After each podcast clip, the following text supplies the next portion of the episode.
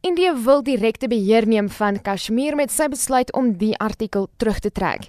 Die BBC verslaggewer in Delhi, Yogita Lamai, verduidelik. This was a promise made by India to Kashmir uh, at the time of partition because at that time Kashmir was a princely state.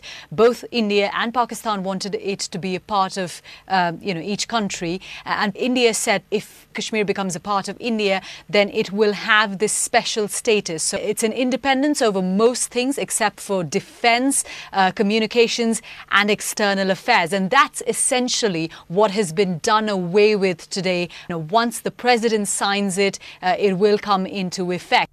Intussen is dit onduidelik wat in Kashmir aangaan omdat daar geen toegang is tot telefoon of internetdienste nie. Volgens die voorsitter van die Suid-Afrikaanse Kashmiri Aksiegroep, Suman Khan, is dit 'n donker dag vir inwoners wat reeds jare lank onderdruk word. People never been happy there, but now is with not incorporating forcefully into the Indian Indian Union is definitely going to create some sort of a commotion, and of course, the more life we will see will be lost. And uh, there is a record of atrocities, the gang rape, and the military of occupying forces has used rape as the weapon of war. And the Amnesty International and the United Nations, the bodies, human bodies, not allowed.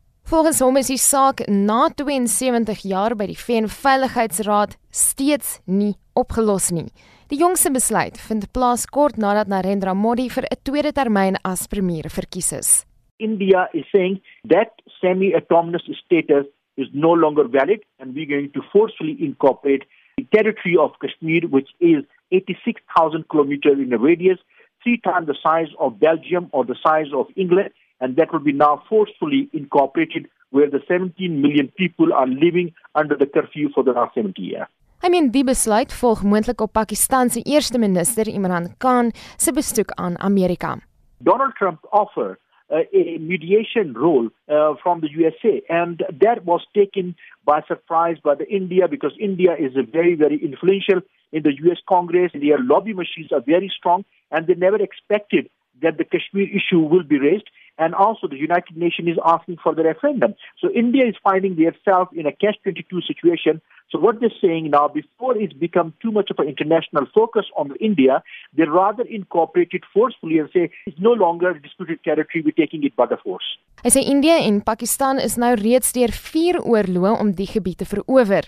The people of Kashmiri, mostly 90% are the Muslims, and they feel that they should be already part of Pakistan because of their religious affiliation, as well as also the, the Indian Bill of Independence said that all the territory, those who have a majority of the Hindus become a part of Hindustan or India, and the majority of the Muslims must be the part of Pakistan. And that territory was left it as unawarded. And um, that is where the problem happened that India took the opportunity to invade the land. And uh, still today, they are the occupying forces. Exactly the same issue as the Palestinian issue. Dit was Suman Khan, die voorsitter van die Suid-Afrikaanse Kashmiri Aksiegroep.